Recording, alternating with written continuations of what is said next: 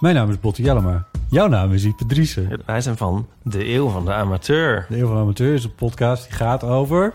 Alles. Het is een eh, podcast over levenskwesties die je niet kunt googlen. Een soort licht neurotische blik op het leven. Het is een podcast met humor. Jezus. Kijk, een grapje. Die, die vragen durft te stellen en die je ook onbeantwoord durft te laten. Mooi.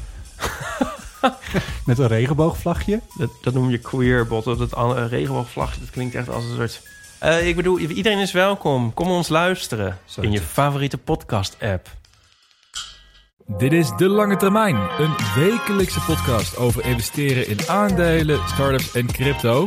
Waarin Twan en Jasper jou bijpraten over alles wat er in de markt is gebeurd, hun beste ideeën en hun grootste fouten.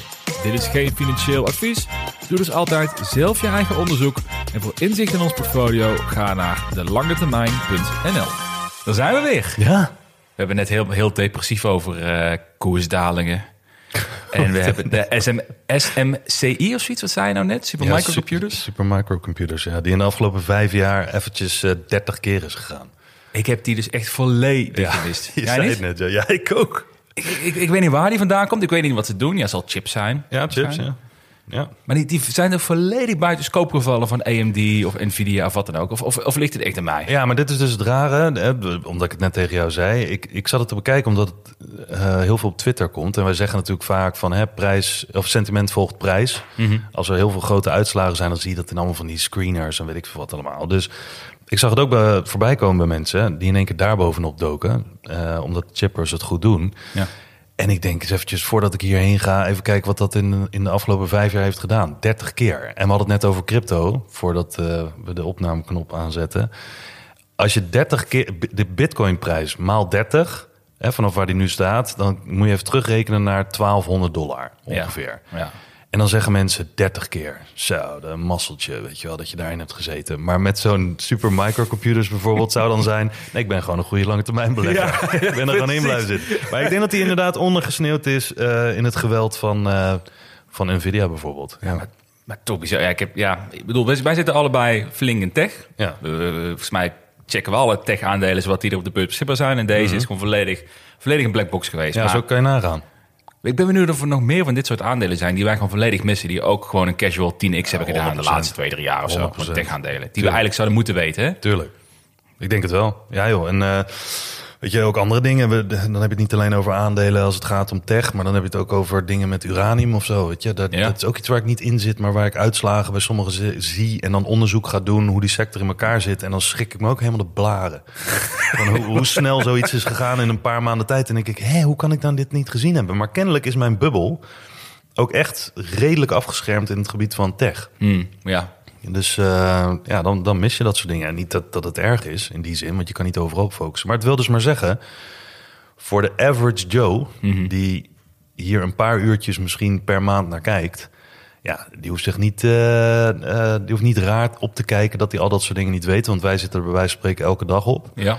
En we doen regelmatig onderzoek, omdat we natuurlijk een wekelijkse podcast hebben. En nu met het platform best wel veel dingen aan het schrijven en analyseren zijn.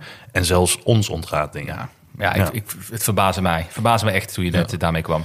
Over bazen gesproken. We hebben een leuke podcast waar we allemaal eh, verbazingen gaan bespreken, denk ik. Nou, eh, vertel het maar. Wat zou de planning? Mooi aanzetje. Nee, het is een, eh, ik denk dat even een leukere aflevering als het gaat om dat de indexen, en vooral de S&P en de Nasdaq, eh all-time highs hebben neergezet. Of op de borden hebben gezet. En, maar dat geldt niet voor alle, lang niet alle eh, aandelen in dit geval, die eh, onderliggend zijn daaraan. En, ehm, en ook dat ik zie bij veel mensen dat ze zeggen... Ik heb gewoon, zoals wij net zeggen, Ja. maar dat is dan puur om te kijken. Maar dat andere mensen zeggen, ik heb gewoon de boot volledig gemist op Nvidia, op dingen die maar door blijven stijgen, op die Magnificent Seven. Vorig jaar het hele jaar over gehad. Dit kan niet zo lang doorgaan. Dit is echt een bubbel. Eh, hoe kan die waardering nou zo, zo belachelijk zijn? Ik ga er echt niet instappen. En dat kleurt dan ineens. Nou, ja, kijk je een jaar later. En dan staat alles nogmaal, Ja. weet ik veel wat. Ik vond het zo, zo eh, bijzonder. Ik zat net te kijken naar ehm, eh, twee schaduwportfolio's die ik voor dit jaar heb gemaakt. Nou, eentje staat het Undervalue Tech mandje. Nou, die staat op de website. Maar ik heb ook één schaduwmandje. Dat is, of schaduwportfolio. Dat zijn gewoon de tien beste bedrijven die ik op dit moment kon vinden. Gewoon qua basis van? eh, hoge marges, eh, groeifactor. Gewoon, het is wel tien die ik denk, techbedrijven dan die ik denk, die gaan, ehm, die wil ik heel graag hebben voor altijd. Ja. maar. En dat was een mandje die ik eigenlijk heel erg duur vond. Dus ik heb ook geen enkel van die bedrijven heb ik in mijn bezit. Raar welk mandje weer best presteert tot dit jaar. Die staat ook gewoon op plus 6% Terwijl als ik kijk naar eh, zeg maar alle portfolio's die ook in onze community langskomen... of die we op eh, port- de PDT langs zien komen... vrijwel allemaal in het rood of net een plus 1 Ja. Weet je die? Eh, sommige wat eh, zwaarder eh, dan andere afgestraft. Komen ze op. Eh, maar deze gewoon plus 6% bij bedrijven die eigenlijk best wel zwaar gewaardeerd zijn. Ja, Dus wat zegt dat dan eigenlijk? Ja, weet je, maar ik bedoel... Wat we al vaker hebben gezegd, en die realisatie heb jij op een gegeven moment ook gehad natuurlijk... dat iets wat hard is afgestraft en wat ehm, een enorme run-up heeft gehad... wil niet zeggen dat het klaar is met groeien. En het wil ook niet zeggen dat je dat alleen maar bij de small caps kan hebben bijvoorbeeld. Ja. Want nou ja, Nvidia, er, is bijna, er zijn weinig bedrijven, nou letterlijk... die groter zijn qua market cap, maar die, die is ook maar blijven gaan. Dus ik weet niet op hoeveel... Volgens mij staan alle chippers er nu heel goed voor, maar daar gaan we het zo even over hebben. Ja. Maar het, het, het blijft, ja, zoals ik vanmorgen zei in de Discord, echt een enigma.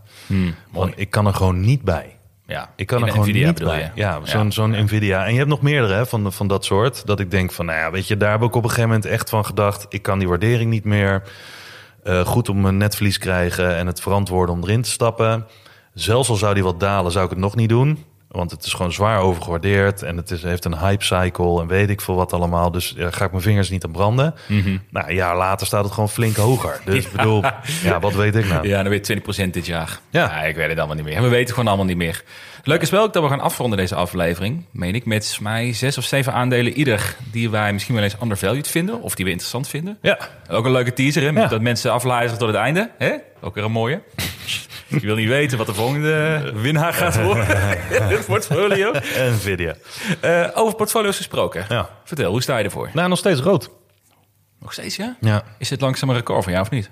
Rood staan. nee, of, man. eh, Nee joh, we doen deze podcast net een jaar en dat is echt een goed jaar geweest voor de afgelopen twaalf maanden. Dus Ja, ja, eh, het is raar om te zeggen. Maar ehm, min 3,5 procent. En ik ben wat dingetjes gaan heen en weer bewegen. Want ik weet niet of ik nou de vorige aflevering erover had of dat het op basis van een artikel was. Volgens mij was dat het. ja?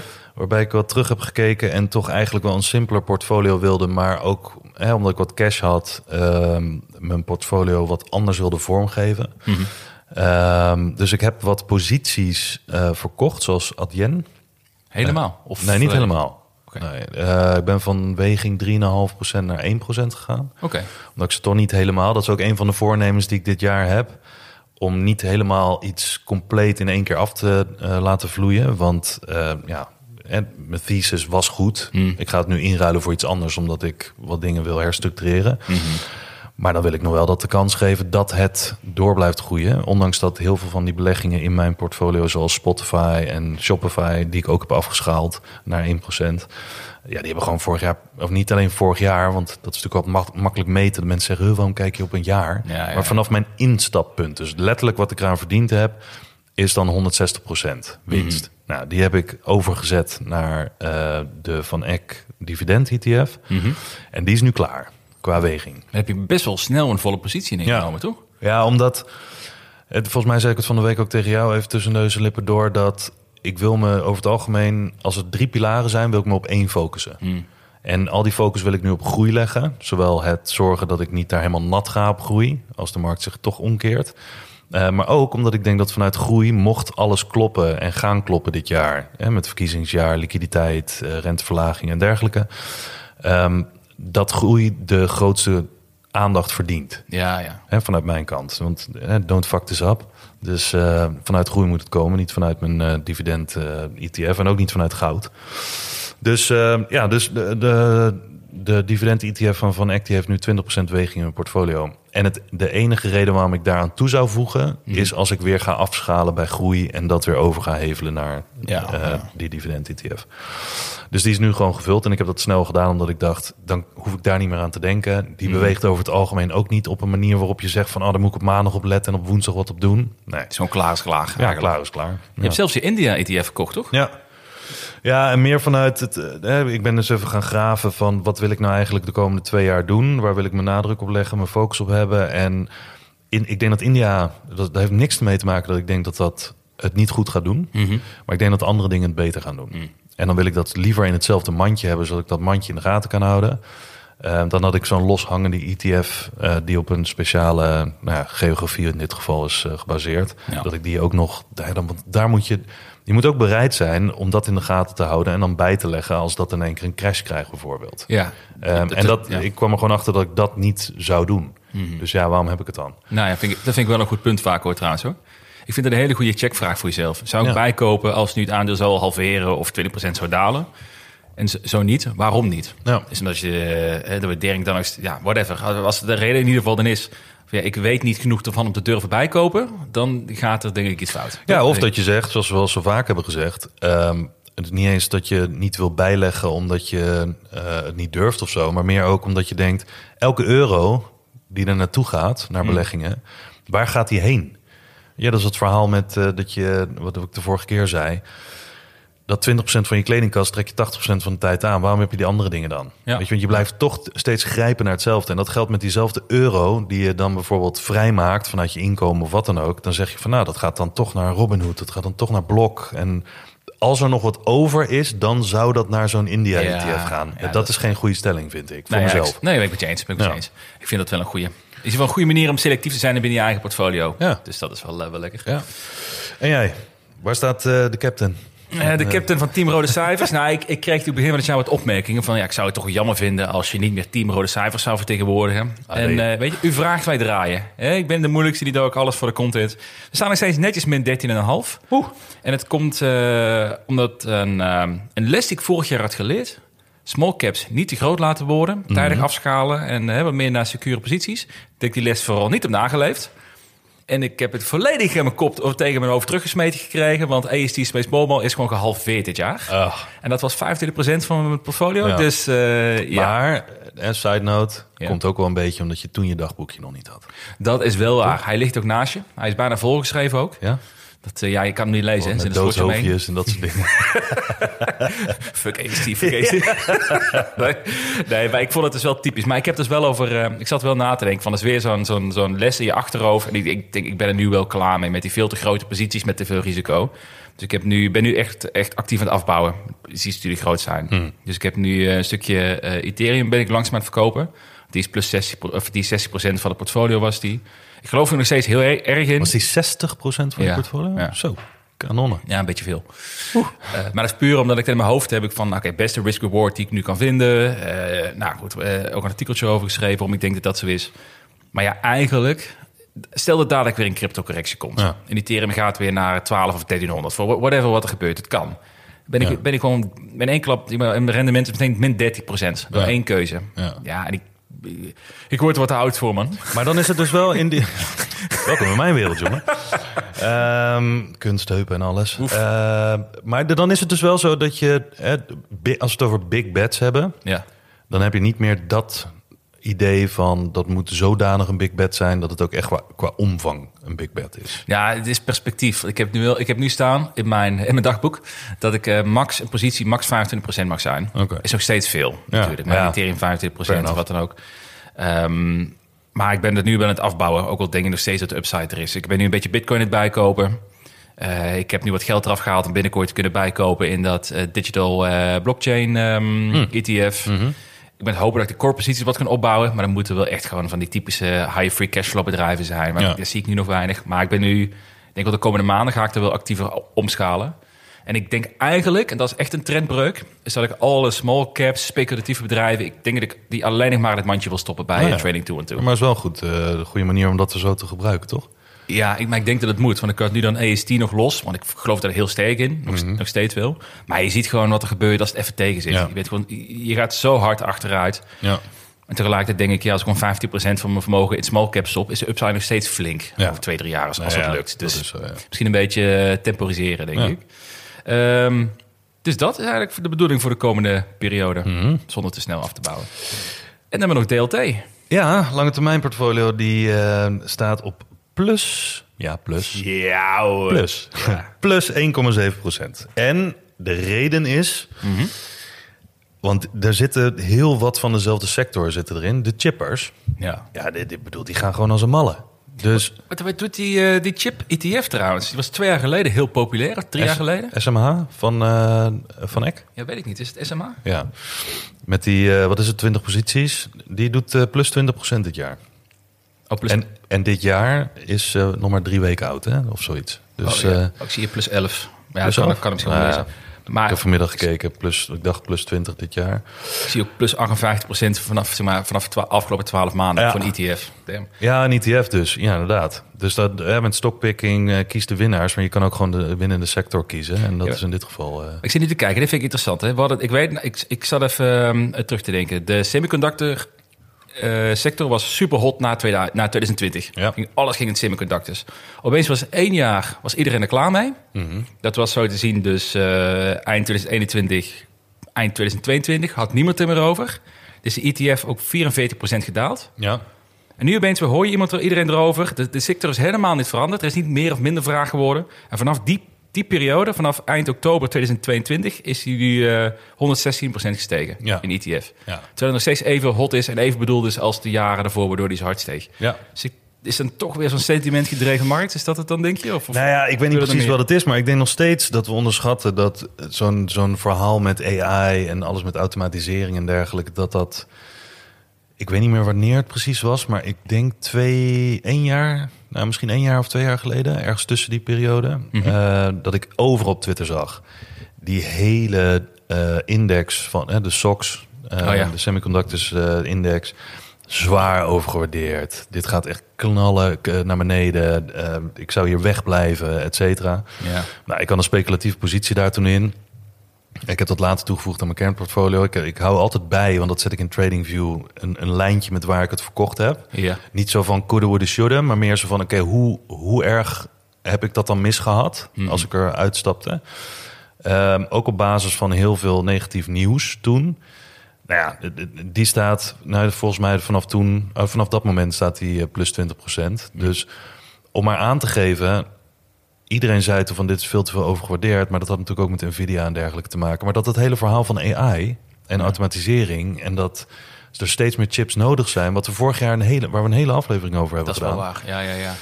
Ja, gaat dat minder worden in de toekomst? Gaat het meer worden? En dat zeiden we toen ook. Dat is de enige vraag die je hoeft te stellen. En dan gaat de waardering gaat op een gegeven moment toch wel rond dat lijntje heen bewegen. Hè? Eh, ondergewaardeerd, overgewaardeerd. En het kan langer gek blijven dan dat je denkt. Ehm, maar dat is nu wat er aan, wat er aan de hand is. Het, het, het krijgt weer een soort nieuwe impuls. Eh, ondanks dat je kan zeggen dat in het afgelopen jaar het niet echt een nieuwe impuls nodig had. Want het, ja, het is gigantisch gestegen. Volgens mij is Nvidia ook, eh, nou, uit mijn hoofd, wat is het? 250% nog Ja, steeds of zo. ja. Dus ja, dat zijn natuurlijk echt bizarre uitslagen, zeker voor zo'n groot eh, bedrijf. Maar ja, dat, eh, die sector die krijgt een, eh, een hele, hele hoop liefde. En dat merk je dus nu ook in het lange termijn portfolio. Dat dat de top drie is. AMD, BSI en Nvidia. Die, die trekken de afgelopen twee weken de kar. En de slechtste die in dat portfolio zitten, dat zijn nog steeds Tesla, Enphase en Coinbase. Tenminste niet de slechtste, maar degene Ja. die het trend gezien de afgelopen week het slechtst hebben gedaan. Nou ja, op zich niet erg. Jij wil Tesla bijkopen, volgens Ja. mij. Ik wil Enphase en Coinbase terugkopen. Dus eh, laat maar gaan. Ja, ja, het mag voor mij nog wel iets meer dalen. Maar ehm, ja, en dit is ook een beetje de, het onderwerp van de, van de aflevering. Hè, dat ik spreek nog steeds mensen die in, als headlines het nieuws zien. Eh, dat er all-time highs worden geschreven. En Hmm. dan heb je bepaalde namen natuurlijk die all-time highs eh, breken. eh, Meta, Nvidia en dergelijke. En dat zie je dan in het nieuws staan. Maar over het algemeen, heel veel mensen die ik ken, die kijken naar de index. Mhm. Gewoon hè, de Nasdaq en de S&P, want ze zitten ook in ETF's en dergelijke. Maar die zeggen ook veel gaat lekker de ene all-time high naar de andere all-time high. En dan spreek ik andere mensen. En ik kijk ook naar mijn eigen portfolio. En dan denk ik, ja, dit is echt wel, een, echt wel weer een gemixte tas. Vorig jaar zeiden we dat ook. Die, die Magnificent Seven, die droegen de hele index omhoog. En nog steeds, misschien zijn het er dan geen zeven, maar zijn het er twintig. Maar heel veel aandelen, en ook andere beleggingen trouwens... die hebben nog steeds een all-time high niet gedaan. Terwijl de indexen, wat een beetje een soort gewogen gemiddelde is... en, en te zijn en dergelijke... en wa- waarvan mensen zeggen, joh, als je de index wil verslaan... dan moet je echt goed kunnen stokpikken. Ja, je, had, je had je alleen maar bij de dingen hoeven houden... die de index überhaupt al hebben gedragen, eh, die zeven stuks. En dan eh, had je het prima gedaan. Ja. Dus, eh, want in feite heb je met de index ook een hoop verliezers... Maar de index zelf is op dit moment een winnaar. Maar dat zegt toch genoeg ook eigenlijk. Zegt ook genoeg. Maar ik zag vorig jaar ook een grafiek. Ik weet niet of de Nasdaq was of de hele Amerikaanse beurs. Of in ieder geval de top 5000. Dat eh, als je de, ze- de top 7 niet meetelt... Ja, Was de, het rendement was letterlijk 0% de Ja. afgelopen jaar over de hele breedte. ja. Bizar. Ja. Nou ja, en dus, en dus kan je dus, hè, we we hadden het aan het begin van, van dit jaar erover, van wat voor jaar zal het worden. Het is nog maar drie weken oud, maar ik had niet verwacht dat de indexen zelf het goed zouden blijven doen. Ik had verwacht dat die een beetje zouden blijven liggen in eerste instantie. En dat dan bepaalde namen, zeker de ondergewaardeerde kleinere namen, dat die enorme run zouden gaan maken. Ja. Nou ja, er zitten er een paar bij, die hebben best wel een run gehad. Maar aan de andere kant kan je heel, in een hele bandbreedte zeggen... dat gaat op en neer, op en neer... terwijl de indexen gewoon omhoog schieten en blijven gaan. En de vraag is, hoe lang duurt dat nog? Want ik zie heel veel technische analisten die zeggen... overal bearish divergence, weet ik veel wat allemaal. En anderen zeggen, ja, eh, het gaat gewoon lekker door. Dus niemand, eh, niemand weet het in die zin. En iedereen probeert natuurlijk bepaalde hoe zeg je dat, nuggets eruit te halen. Van eh, als zo'n index straks gaat stagneren, waar moet ik dan, waar gaat dat geld dan heen? Ja. En dan hebben we het niet over een crash van de index, want dan zakt alles in elkaar. Maar wat als die index straks een beetje getopt is en een beetje gaat blijven liggen en dat daar de groei een beetje uit is, ook omdat zeven namen ook zo overgewaardeerd zijn en dergelijke. Dan is de vraag, waar gaan mensen dan in zitten? En ik heb vandaag ook even gekeken. Heel veel mensen die heel veel analyses hebben gedaan over de small caps. Waar wij vorig jaar ook een paar keer wat over hebben gezegd. Die hebben ook terecht, en dat, dat heb ik ook zo bekeken, eh, gezegd van de Russell 2000, hè, waar, over het algemeen, waar gewoon de small caps in zitten. eh, die staan nog steeds 20% onder zijn all-time high. Weet je wel, dus één van de drie of vier indexen in Amerika, van de Dow Jones, de Nasdaq, de S&P en dan de Russell, drie daarvan hebben een all-time high. En die ene, die blijft gewoon heel erg achter. Terwijl daar de volatiele namen in zitten, de beta-namen, weet Ja. ik veel wat allemaal. Die de jaren daarvoor volgens mij ook beter gedaan heeft. Over het algemeen dan de, de andere grote indices. Ja, maar dit, en dit is dus een beetje hoe ik ben gaan terugkijken. Je kan heel mooi in TradingView kan je bijvoorbeeld het een tegen elkaar afzetten. Je kan natuurlijk dingen met elkaar vergelijken. Dan zie je bijvoorbeeld, nou, vanaf het begin van het jaar hebben deze drie aandelen hebben zoveel procent gedaan. Dan kan je zeggen, nou, deze heeft het best gedaan, want die heeft de meeste procenten gedaan. Maar als je puur iets wil vergelijken met elkaar, dan kan je in TradingView gewoon zeggen. eh, in dit geval de Russell 2000 gedeeld door, dus letterlijk zo'n slash, gedeeld door de Nasdaq. Ja. En dan zie je één lijntje op de grafiek. Namelijk het een wat verhoudt tot het ander. En daar zie je dat vanaf, nou, wat is het, vanaf het jaar 2006 of zo, 7, dat het één lijn, schuine lijn naar beneden is. Als je, als je de Russell vergelijkt met de Nasdaq. Dus dan kan je zeggen, je ziet af en toe van die spikejes dat de Russell het even een periode wat beter doet dan de Nasdaq. Maar daarna klapt het gewoon weer naar beneden. Dus je hebt eigenlijk al 16, 17, 18 jaar... eh, heb je eigenlijk al opportunity cost gehad. Weet je wat ik bizar vind daaraan? Is de, de, een beetje de thesis is toch dat dit soort bedrijven, de Russell 2000, even grosso modo, zijn vaak kleinere bedrijven die extreem hard, hard moeten groeien, Ja. eh, vaak verliesgevend zijn om die groei te, die, te financieren. Dat die het fantastisch doen in een klimaat met lage rentes en veel liquiditeit. Ja. Dat was het. Tot twee jaar geleden was dat eh, bijna, wat is het, 15, 14 jaar het geval, 13 jaar. Maar als in die omstandigheden de Nasdaq zelfs nog outperformed heeft, Ja. dan valt die hele thesis een klein beetje in het water. Ja, als je dat dus inderdaad over 16 jaar trekt, dan zie je die lijn gewoon echt gewoon schuin naar beneden gaan. Ehm, met tussendoor misschien 1, 2 jaar dat de Russell heel sterk outperformt ineens. En Ja, dan hebben we het over de Russell. Maar dat kunnen natuurlijk ook gewoon small caps individueel zijn. Die versus, hè, zoals zo'n super microcomputer, want die zit volgens mij ook in de Russell. Eh, hoe die dat dan versus Nvidia doet. Ja, dan misschien over de hele periode doet Nvidia het beter. Maar in bepaalde jaren heb je toch een flinke outperformance van, van dat soort small cap concurrenten.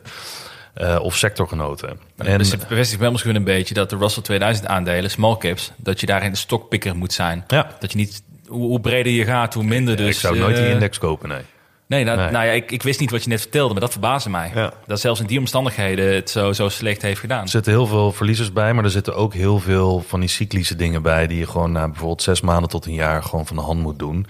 Eh, want heel veel van die bedrijven, ja, dat, daarom zijn het small caps, die rennen het gewoon niet. Weet Ja. je, dus één change of scenery als het gaat om micro- of macroklimaat, dan, eh, dan slaan ze om. Dan kapseizen ze.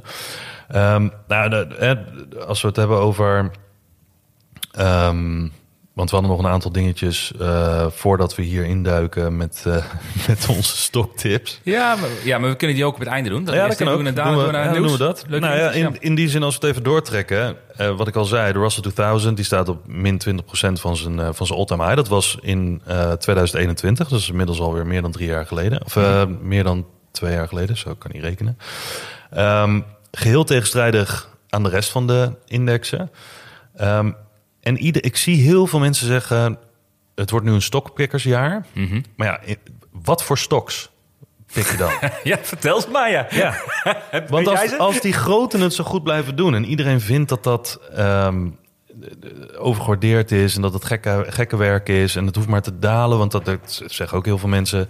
Wat als die 7 of 8 of 20 inmiddels die de hele index dragen, wat als die toch ellende beginnen te voelen, dat de earnings tegenvallen, dat de mensen ze van de hand gaan doen. Trekt al dat geld dan uit de markt? Mhm.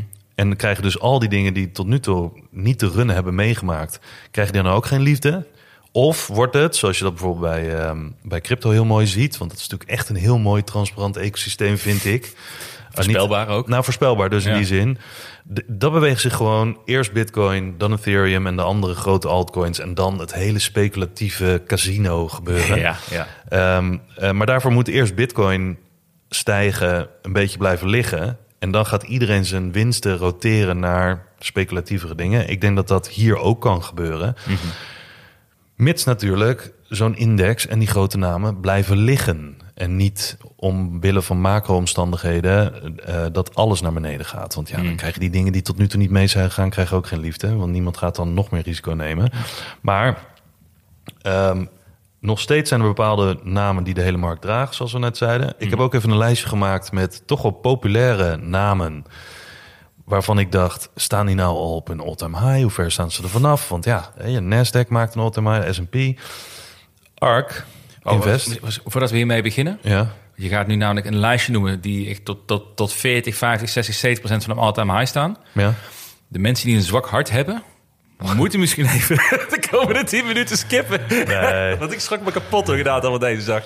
Nee, maar jij zei ook toen we hier onderzoek naar deden, eh, zei je ook van dat je zo'n stockscreener had gepakt en dat je had Ja. verwacht dat er heel weinig aandelen of beleggingen ehm, nog ver onder een all-time high zouden staan. Dat alles wel een beetje mee was gegroeid. Want Ja. ja. dat zijn de namen die het meeste de aandacht krijgen. Maar als je bijvoorbeeld, en dat dat het jou tegenviel, hoeveel daar Ja, veel. op min 70, min 80 procent van de all-time high stonden. Ehm, maar bijvoorbeeld ARK Invest, weet je wel, de populaire ETF, staat nog steeds op min 70. Mhm. Ehm Adyen heeft een goede run-up gehad naar die hele daling. We het er vorige week over gehad. Nog steeds op min 60. Ze voelt het niet, hè? Nee, dat is dus het rare. Zo voelt het niet. Ja. En ik denk ook, we hadden het vanmiddag er ook even over onderling. Omdat we vaak kijken naar wat het in de afgelopen twaalf maanden heeft gedaan. Heel veel van die namen hebben een enorme run gehad. En dan denk je, ja, te laat, overgewaardeerd, ik heb de boot gemist. Ja. Ehm, maar als je naar de all-time high kijkt, wat natuurlijk geen vrijbrief is om te zeggen dat is kwalitatief goed onderzoek, want iets wat ver onder zo'n all-time high staat, is niet daardoor aantrekkelijker. Nee, dat komt ook niet altijd weer in de buurt, dus dat Komt ook niet niks dat, eigenlijk. maar, Misschien andere omstandigheden, misschien andere liquiditeitssituatie, weet ik veel wat. Maar toch wat namen. Hè, Adyen min 60%, Ahold, ook zo'n naam, Hm. eh, min 20%. Ah, ja. Eh, Amazon zelfs, min 18% nog van zijn all-time high. Oké, oh, Ter- de terwijl Meta en eh, dergelijke allemaal op een all-time high staan. Ehm, Tesla, min 50% Disney, min 50. Daar hoor ik ook steeds veel mensen over, Ja. ja, Disney. Ja. Nou, Coinbase, min 70. PayPal, die nu wel in de afgelopen week een run-up heeft gehad. eh, maar staan nog steeds op min 70. Mhm. Nou, en dan heb je Bitcoin en Ethereum min 40 en min 50 procent. Maar wat ik dus hier zo interessant vind, daar wil ik ook doorgaan ook. waar we, waar we het net ook over hadden, is je hebt het gevoel dat heel veel van deze, van deze bedrijven die je noemt, dat die niet zo ver zijn gedaald. Want we hebben bijvoorbeeld Argen nog recent in onze herinnering staan van eh 600, 700 euro. Ja. Nu naar 1100, 1200. Ja. Dus je denkt van, nou, oké, die is weer helemaal hersteld. Het komt weer goed. Eh Ark is ook weer vanaf de bodem redelijk hersteld. Maar ook plus 50% of Ja. zo gedaan erin. Ja. Dat vind ik best wel bijzonder dat je, wat dan daarin overheerst. Dus toch die laatste, de herstel van de laatste zes maanden weegt dan toch zwaarder dan het hoogtepunt waar we vandaan kwamen. Dat lang geleden is misschien of zo? Of, of- Nou, ik denk dat we altijd geneigd zijn als mensen om een soort recency bias te hebben. Iets wat recentelijk is gebeurd, dat weeg je des te zwaarder mee in je overweging. Terwijl als die all-time high bijvoorbeeld drie jaar geleden was, ja, dan ben je lang weer vergeten. Tuurlijk zie je dat op een grafiek, maar de beleving is weg. ja, ja. Je, je hebt niet, dat is niet het laatste wat je je meer herinnert. Het laatste wat je herinnert is de run-up van de afgelopen twaalf maanden.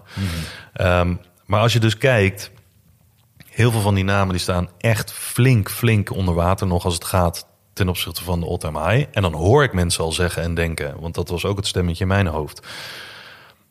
Maar een all-time, vroegere all-time high of een vorige all-time high.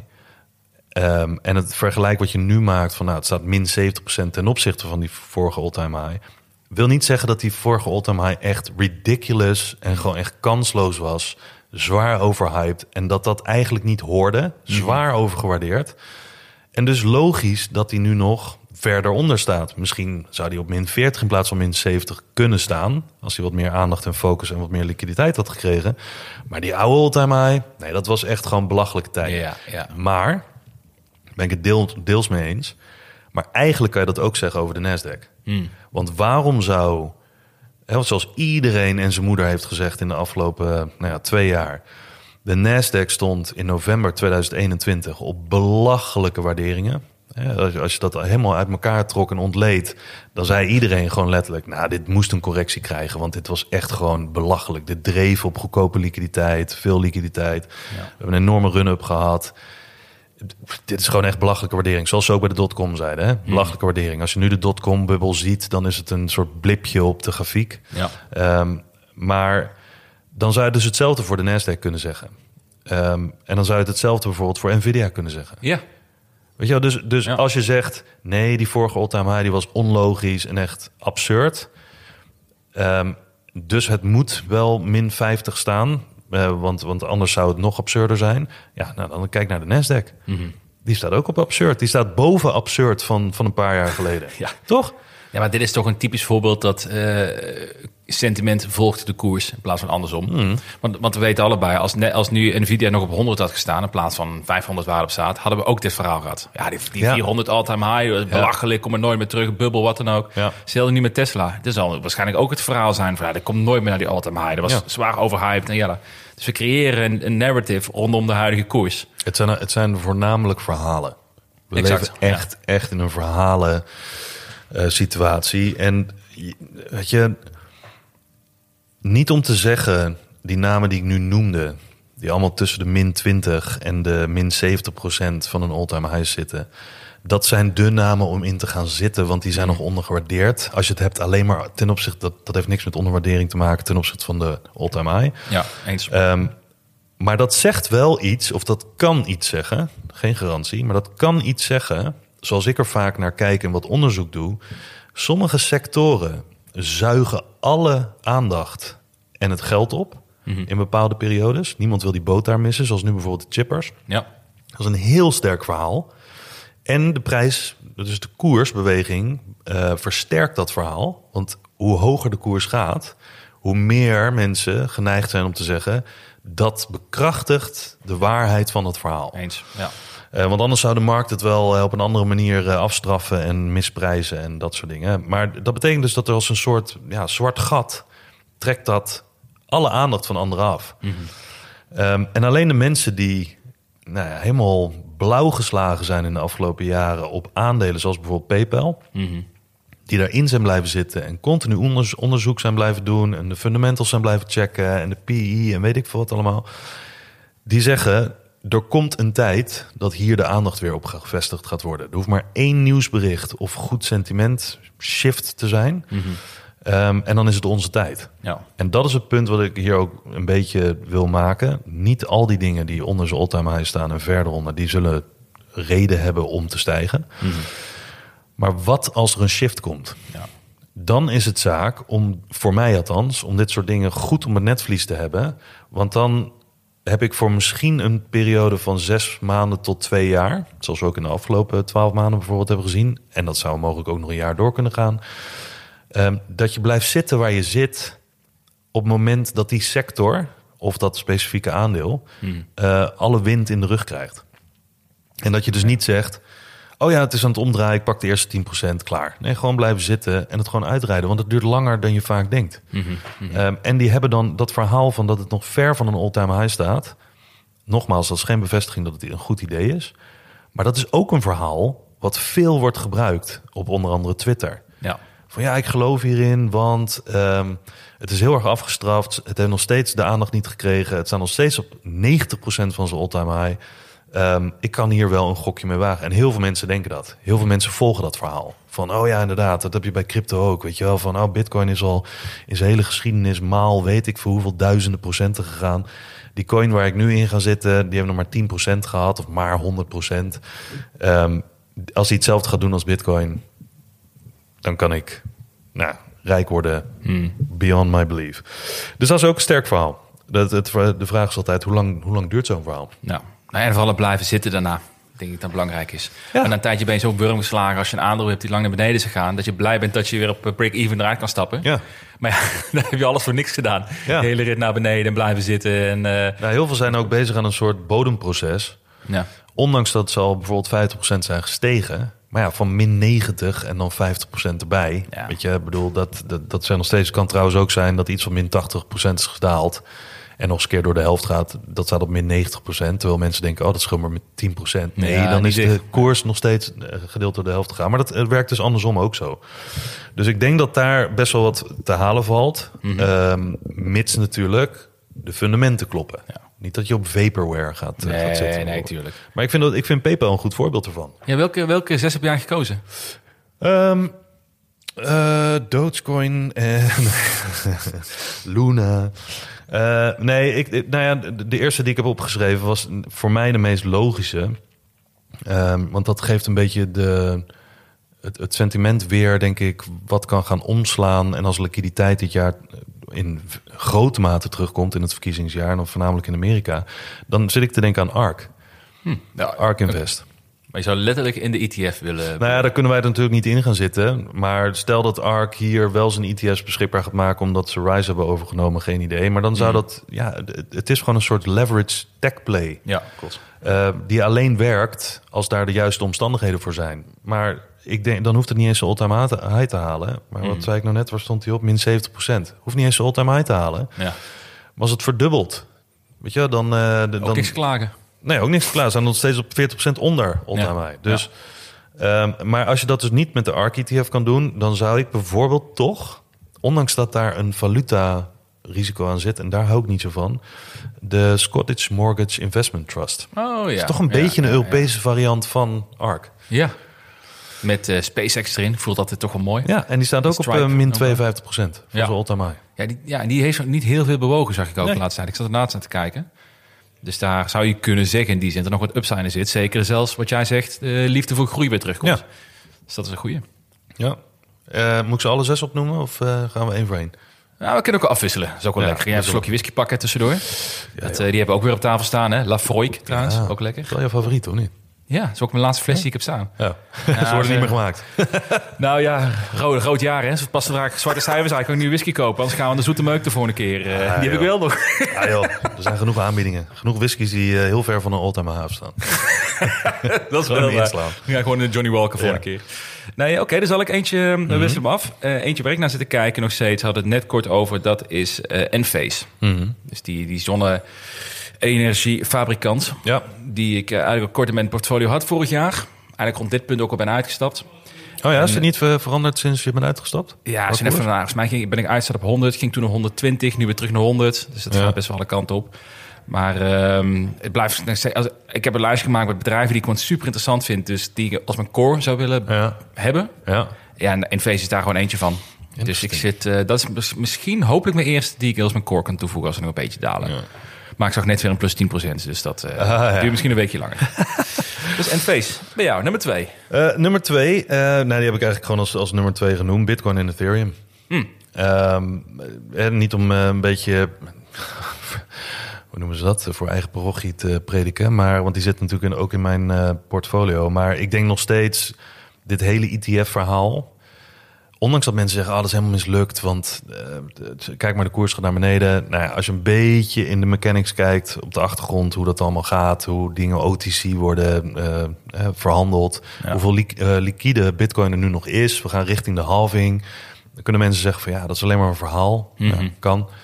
Ehm, maar tot nu toe is het wel gebleken dat het anders is. En dat de halving een goed effect kan hebben op, op koers. Maar ook die ETF, die, die zuigt nu zoveel liquide bitcoin op.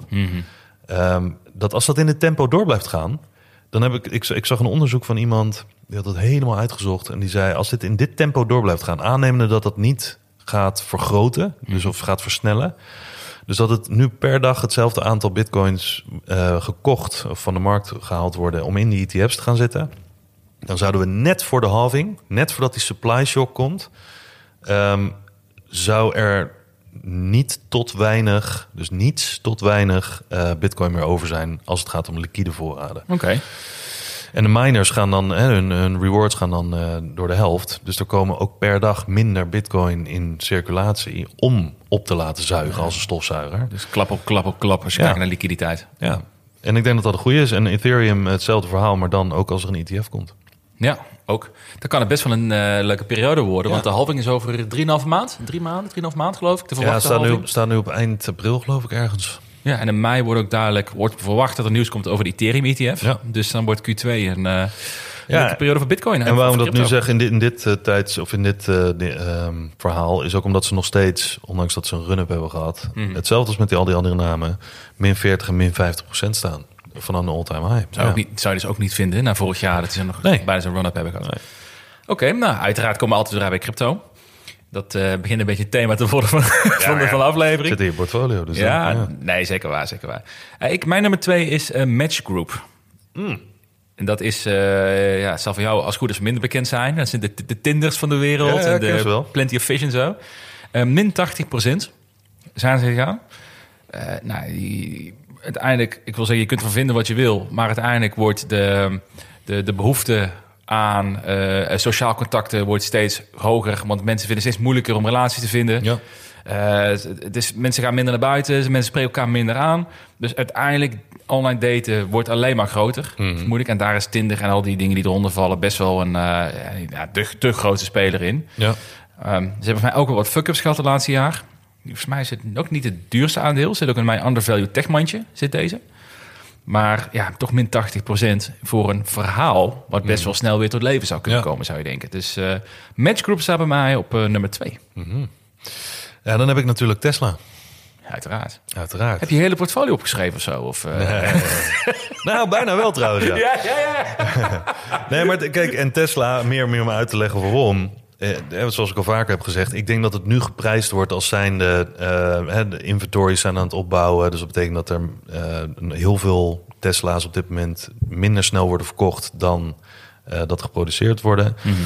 Ehm, er zijn ook mensen die letterlijk op die parkings gaan kijken en zo bij de fabrieken en dan auto's gaan tellen, drones erboven vliegen, weet ik veel wat allemaal. Ja, dat is allemaal leuk. Een soort billions verhaal is dat volgens mij. Maar eh, dat heeft de hele auto-industrie nu. En ik denk dat daar de mismatch in zit. Nog steeds. Mensen kunnen me voor gek verklaren. Maar dat is mijn thesis. Dat het nu geprijsd wordt als een autofabrikant.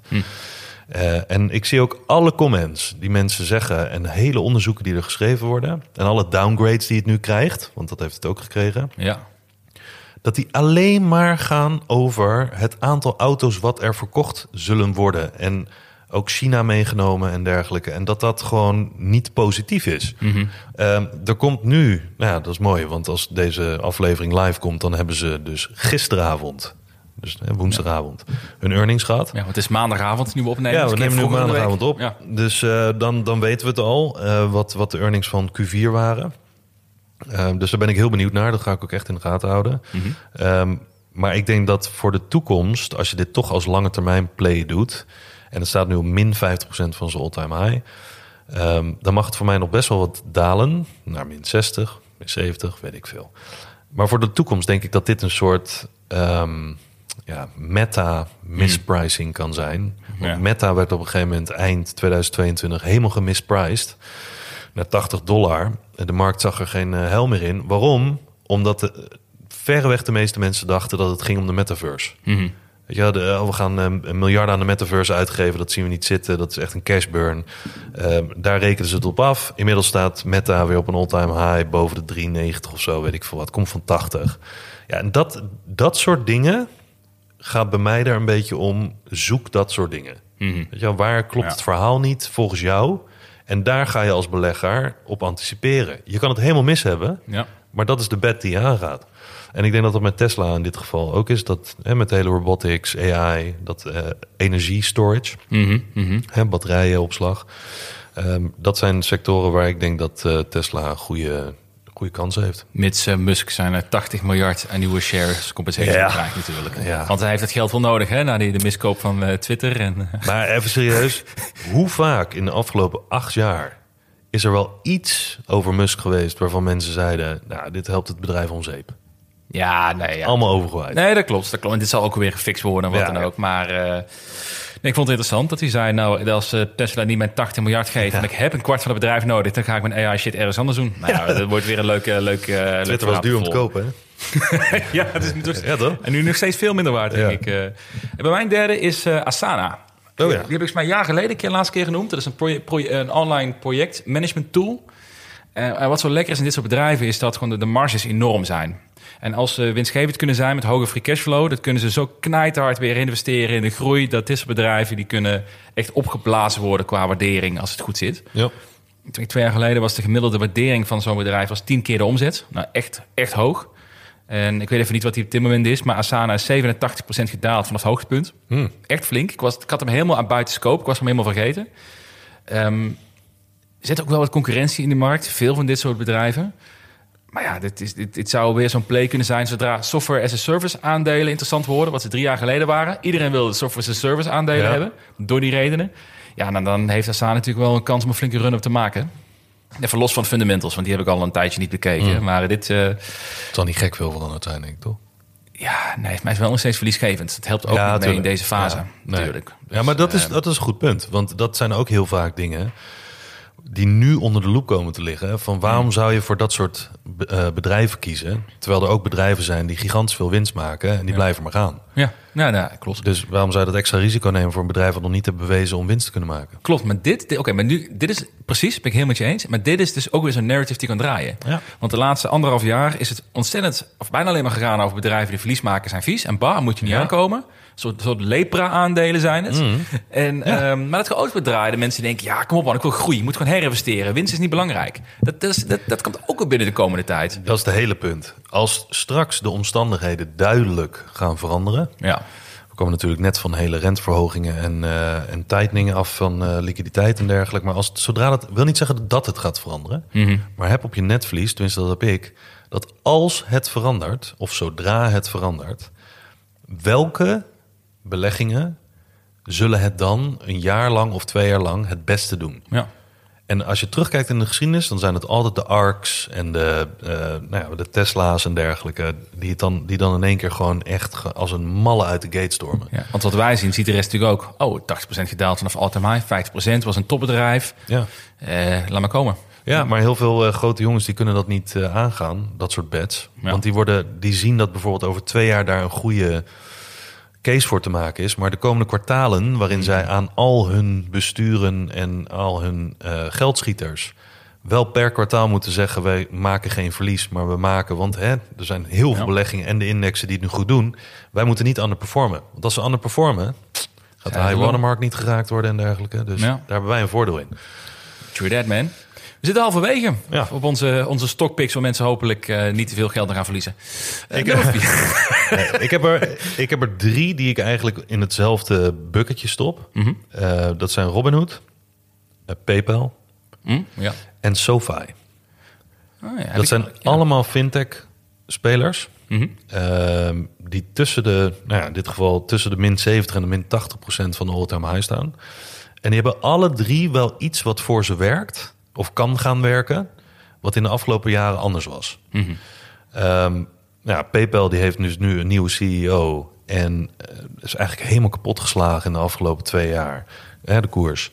Maar ook de verwachtingen was niet innoverend genoeg en dergelijke. Nou, op 25 januari komt eh, de CEO, als het goed is, met een hoop nieuwe plannen eh, eh, uit. Daar anticiperen mensen nu op. Maar als je ziet wat het sentiment twee weken geleden was, iedereen kotste het uit en zei van, nou, weet je, iedereen had het erover. Ja. Maar toch was het allemaal een soort van, ja, maar inderdaad, er wordt niet geïnnoveerd. Inderdaad, ja, maar ze hebben een nieuwe CEO. Ja, maar ik moet het eerst nog zien. En nu ineens, omdat de koers is uitgebroken, eh, kortstondig, vanuit een enorme daling, eh, beginnen mensen in één keer weer allerlei analyses te maken van wat ze anticiperen dat er gezegd gaat worden. Ja, en dat ja, het ook ja. met X-payments of weet ik veel wat samen gaat werken. Nou, whatever. En de markt staakt dus. Mensen zullen wel weten dat het goed is. Dat, Dat. dat verhaal weer. Dat. Nou, Robin Hood heb ik al een keer eerder gezegd. Staat op min 80 of min 85 procent volgens mij van de all-time high. Heeft een enorme reputatieschade opgelopen natuurlijk door het hele GameStop verhaal. En ehm, komt net uit een hele markt waarbij ze eh, het toch voornamelijk van transactievolume moesten hebben. En dat is afgenomen. Ehm, maar daarnaast hebben ze kunnen eh, opschalen in hun pensioenaccounts. Want dat eh, hadden ze twee jaar geleden hadden ze dat nog niet. Hebben ze volop ingezet. Dat je een IRA-match kan krijgen in Amerika. Ehm, daar hebben ze een hoop ehm, eh, op, op ingezet. Ik denk dat als ze dat gaan uitbreiden, ze bieden nu ook alle Bitcoin-ETF's aan, terwijl heel veel andere pensioenaccounts dat niet aanbieden in Amerika. Ja. Dus we weten wat de klant wil. Eh, en ze hebben van de rente, stijgende rente profijt kunnen hebben. Want mensen die hebben daar geld gestald, zoals wij bijvoorbeeld ook bij Trade Republic of bij Trading 2 en 2 kunnen doen, krijg je 4%.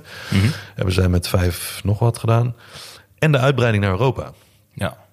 Ik denk dat dat nog steeds mispriced is. En iedereen moet het nog maar zien, natuurlijk. En als er een crypto boeren komt, een echte, zoals we in het verleden wel vaker hebben gezien, dan gaat Robinhood er ook eh, profijt van hebben. Eh, en dan heb ik nog SoFi op min 70% Dat is ook een fintech-speler. Die, ja, die heeft het ook niet eh, al te makkelijk gehad in de afgelopen jaren. Eh, ook voornamelijk omdat ze in veel incidentenleningen in Amerika zaten. Die eh, hadden een tijdelijke stop. Ja. Studenten hoefden niet terug te betalen. Zijn nu weer begonnen met terugbetalen. Dus ik denk dat dat ook een, een, een goede is. Misschien niet om ze all-time high te- halen, maar wel in ieder geval een soort relief. als de marktomstandigheden weer goed zijn. Kijk, het- het positieve is, want jij zit in Robinhood, toch? Ja. Het positieve is, wat ik gemerkt heb, is aandelen waar ik echt een takkenhekel aan heb, of crypto waar ik een takkenhekel aan heb, die outperformen de markt vaak. En Robinhood is een aandeel waar ik een takkenhekel aan heb. Sinds Ja. die GameStop-situatie. Ja, maar dat is ik het dus, vertrouw die gasten gewoon Ja. niet meer. Zeker niet met mijn geld of, of, of mijn, zeker niet met mijn pensioen. Maar vertrouw je wel de bank met je geld dan? Want die doen ook allemaal dingen. Ja, maar- het punt is, ze hebben mij nog niks fout gedaan. Nee, Robinhood dat- heb ik het hele Ja, oh, zo, ja. meegekregen. Dus ik vertrouw, Ja, ik en- vertrouw die gasten gewoon niet Ja, meer. en dit is dus het verhaal waar ik denk dat heel veel mensen aan hangen. Ja. Omdat ze persoonlijk erdoor geraakt zijn. En dat is fair enough. Ehm, de markt geeft daar niet om natuurlijk. Eh, maar ik denk dat, daar, dat daarom een soort van mispricing daarin zit. Ja, zeker. Nee, als ze dat kunnen omdraaien, ze kunnen Ja. weer een positieve imago krijgen. En alles, alle imago-schade is uiteindelijk te verwerken als je Ja. slim aanpakt. Dan zou het best wel. eh, Kijk, ze weten wel het spelletje natuurlijk heel slim te spelen. Ja. Dus dat geef ik ze, geef ik ze wel toe. Eh, nou, dan kan ik ook twee combineren, dat is wel makkelijk. Digital Ocean heb ik en Fastly. Twee eh, cloud computing of cloud services zijn het eigenlijk. Gingen ook knijten hard in 2020, want opeens ging alles digital en de website ging door het dak en whatever. Alles moest digitaal gebeuren. Iedereen thuiswerken. Iedereen ging thuiswerken, iedereen ging eh, content creator spelen en eh, dingen- websitejes maken en zo. Eh, en ik ging knijten hard. Het internetbereik ging natuurlijk door het malle, want iedereen zat thuis een beetje te browsen in plaats van te werken. En, en die aandelen gingen ook allemaal door het dak heen. Die deden ook een maal 5 tot maal 10 in sommige gevallen. Net zoals in deze twee gevallen. Of in ieder geval Fastly weet ik, die was heel populair destijds. Ehm, Digital Ocean min 74%, Fastly min 86%. Volgens mij de laatste anderhalf jaar ook bijna niks gepresteerd. Dus dat is een, eh, een pijnlijke. Ik weet dat veel eh, beleggers waar ik op Twitter contact mee had, veel in Fastly zaten. Ja. Ik weet niet of ze nu nog eh, erin zitten. Ik weet niet of jij aan het kijken bent of hoe ver Fastly gedaald is. Nee, maar, nee ik, zat, ik had net een andere naam in mijn hoofd. Ik dacht, oh, even snel kijken. Want dat is ook zo'n type wat in 2020 enorm is opgelopen. En nu waar alle lucht uitgelopen is. Zoom. Oh, ja. Dat is ook zo'n play. Die is nu al heel lang aan het bodemen. Maar ook zo'n verhaal. Oh, Weet je wel, in 2020. Enorme run-up gehad. Want iedereen die kwam thuis te werken. Iedereen moest er gebruik van maken. Nou, was fantastisch. Ja, nu het niet meer nodig is. Ja. Al een hele tijd. Ik weet niet op hoeveel die van zijn all-time high staat. Maar als je de grafiek ziet, dan eh het ziet er niet heel best niet? uit. Zwarte piste. Oef. Ja. Een beetje zo'n soort arc, arc verhaal. Het zien er allemaal hetzelfde uit, deze grafieken. Ja, maar weet je wat wel? Met Zoom vind ik, die, die ben ik volledig ook uit mijn scope geraakt. Hè? Maar die, als je daar fundamenteel naar gaat kijken... De laatste keer dat ik er naar keek, was een paar maanden geleden... was het eigenlijk een super cheap bedrijf Ja. wat ze doen. Volgens mij hebben ze best wel wat cashflow, weet ik niet helemaal zeker. Volgens mij was het ook echt ontzettend laag gewaardeerd. Maar dat is ook eentje waar zo'n perceptieprobleem bij mij mee zit. Van ja, ik gebruik geen Zoom. Never nooit dat ik eraan denk. Dus fuck Zoom. Maar eh, in, in- dat zou ook wel een turnaround kunnen zijn hoor. Zoom, die staat niet op het lijstje. Maar dat zou best wel... eh, Volgens mij nog steeds een duur aandeel hoor. Maar eh, uiteindelijk, weet je, dat soort plays. Ja, is voor alles een, eh, een, een tijd. En Ja. die tijd voor al dit soort aandelen, voor, voor de meeste, was 2020. Was echt zo'n Ja. soort coming out moment. En daarna is het gewoon helemaal ingestort. En ook bij velen, ondanks dat ze misschien 20 tot 50 procent zijn gestegen de afgelopen 12 maanden, is het ja, nog ver onder de maat. Ja, Je kan klopt. het nog steeds als een bodemproces zien, zeg maar. Jouw laatste pick voor deze. Ja, mijn laatste is een rare. Maar misschien ook eentje waar de meeste mensen het nu over hebben. Of tenminste in de kleine Twitter-bubbel waar wij in zitten. Alibaba. Nou, daar heb ik gisteren maar goed mee vermaakt Ja. hè, trouwens. Ja, daar heb jij een mooie analyse op de website van gemaakt. Vond eh, ja, bizar om te lezen dat er heel veel dingen ook wel klopten met, met hoe ik het eh, had gezien. Maar ook, jouw analyse eindigde ook met een flinke margin of safety hanteren. Ik bedoel, Alibaba staat min 80 Maar heel China staat er bagger voor. Ja, Want ja, als je ziet dat, eh, ik weet nooit naar welke index ik moet kijken in China, want er zijn er een aantal. Maar de Hang Seng bijvoorbeeld, eh, die is weer terug op het niveau van 1997. Goeie oude tijd. 1997. Helemaal terug. Het is toch Qua waardering. toen Michael Jackson nog helemaal hot en was. Nee, maar dus heel China heeft last van deflatie. En Ja. je merkt het daaraan. En heel veel, heel veel mensen zeggen ook gewoon van... eh, joh, dat is lastig in China, want ze doen maar wat. En alle cijfers, zoals jij ook zegt... van er hoeft geen grote accounting firm naar te kijken of dergelijke. Maar er zijn een aantal namen, waaronder Alibaba... waarvan ik denk dat... eh, als je het vergelijkt met bijvoorbeeld Amazon... wat voor posities ze hebben... ook in cloud en ook in eh, e-commerce... en ook in finance en dergelijke... dan zou het zoiets kunnen zijn dat ook als daar het sentiment weer verandert... Want je gaat me niet vertellen, het zou kunnen hoor, maar je gaat me niet vertellen dat het nooit meer goed komt met China. Ja. En je gaat me dan ook niet vertellen dat als het goed komt, dat zo iemand of zo'n bedrijf als Alibaba ehm, de laatste is waarmee het goed komt. Ja. Of nooit meer goed komt. Ja, eens. Als die hele markt weer herstelt.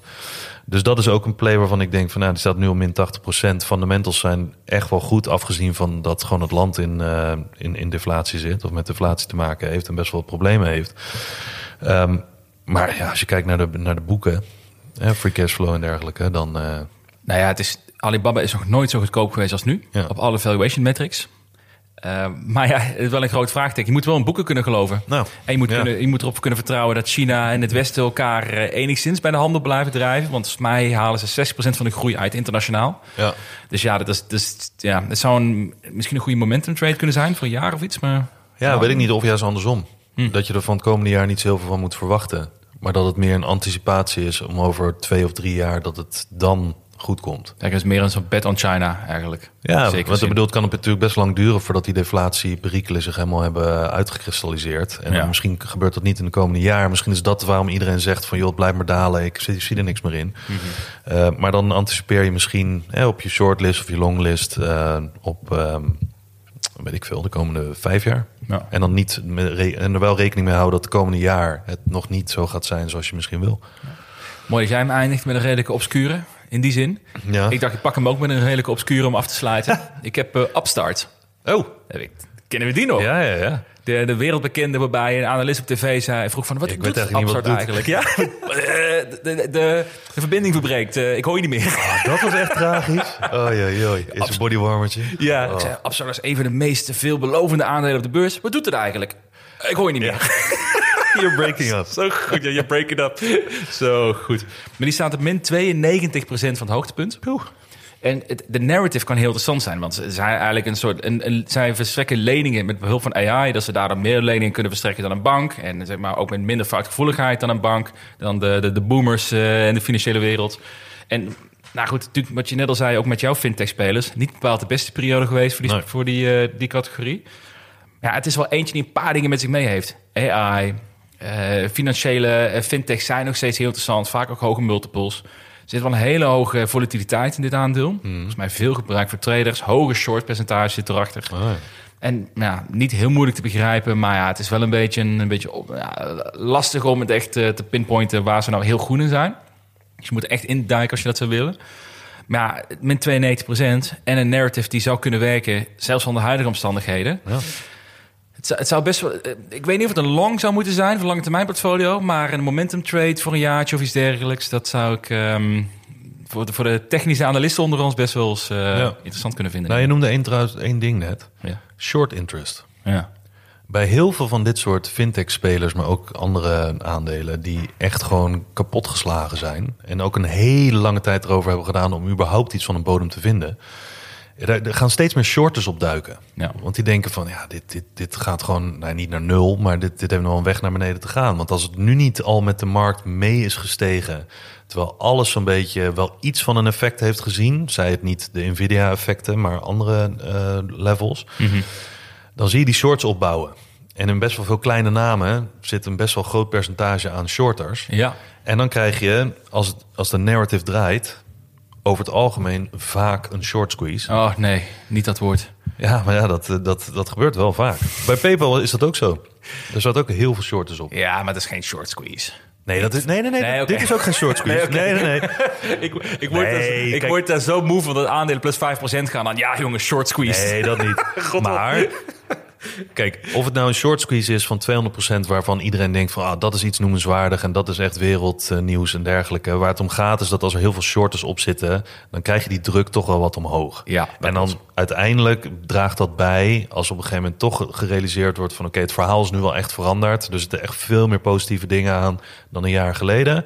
Ja, dan, dan zullen die shorts geclosed moeten worden. En Ja. dat zal tijdelijk een soort uitbraak kunnen geven. En als, al is dat maar 10 of 20 procent. Nee, dat klopt. Je krijgt meer koopdruk. Automatisch, ook al willen mensen uiteindelijk het aandeel niet hebben. Maar je krijgt koopdruk. Ja, en dan kan je zeggen, nou dan heeft ze bodem gehad. En Ja. dan of je er nou vroeg bij wilde zijn of wacht op dat moment.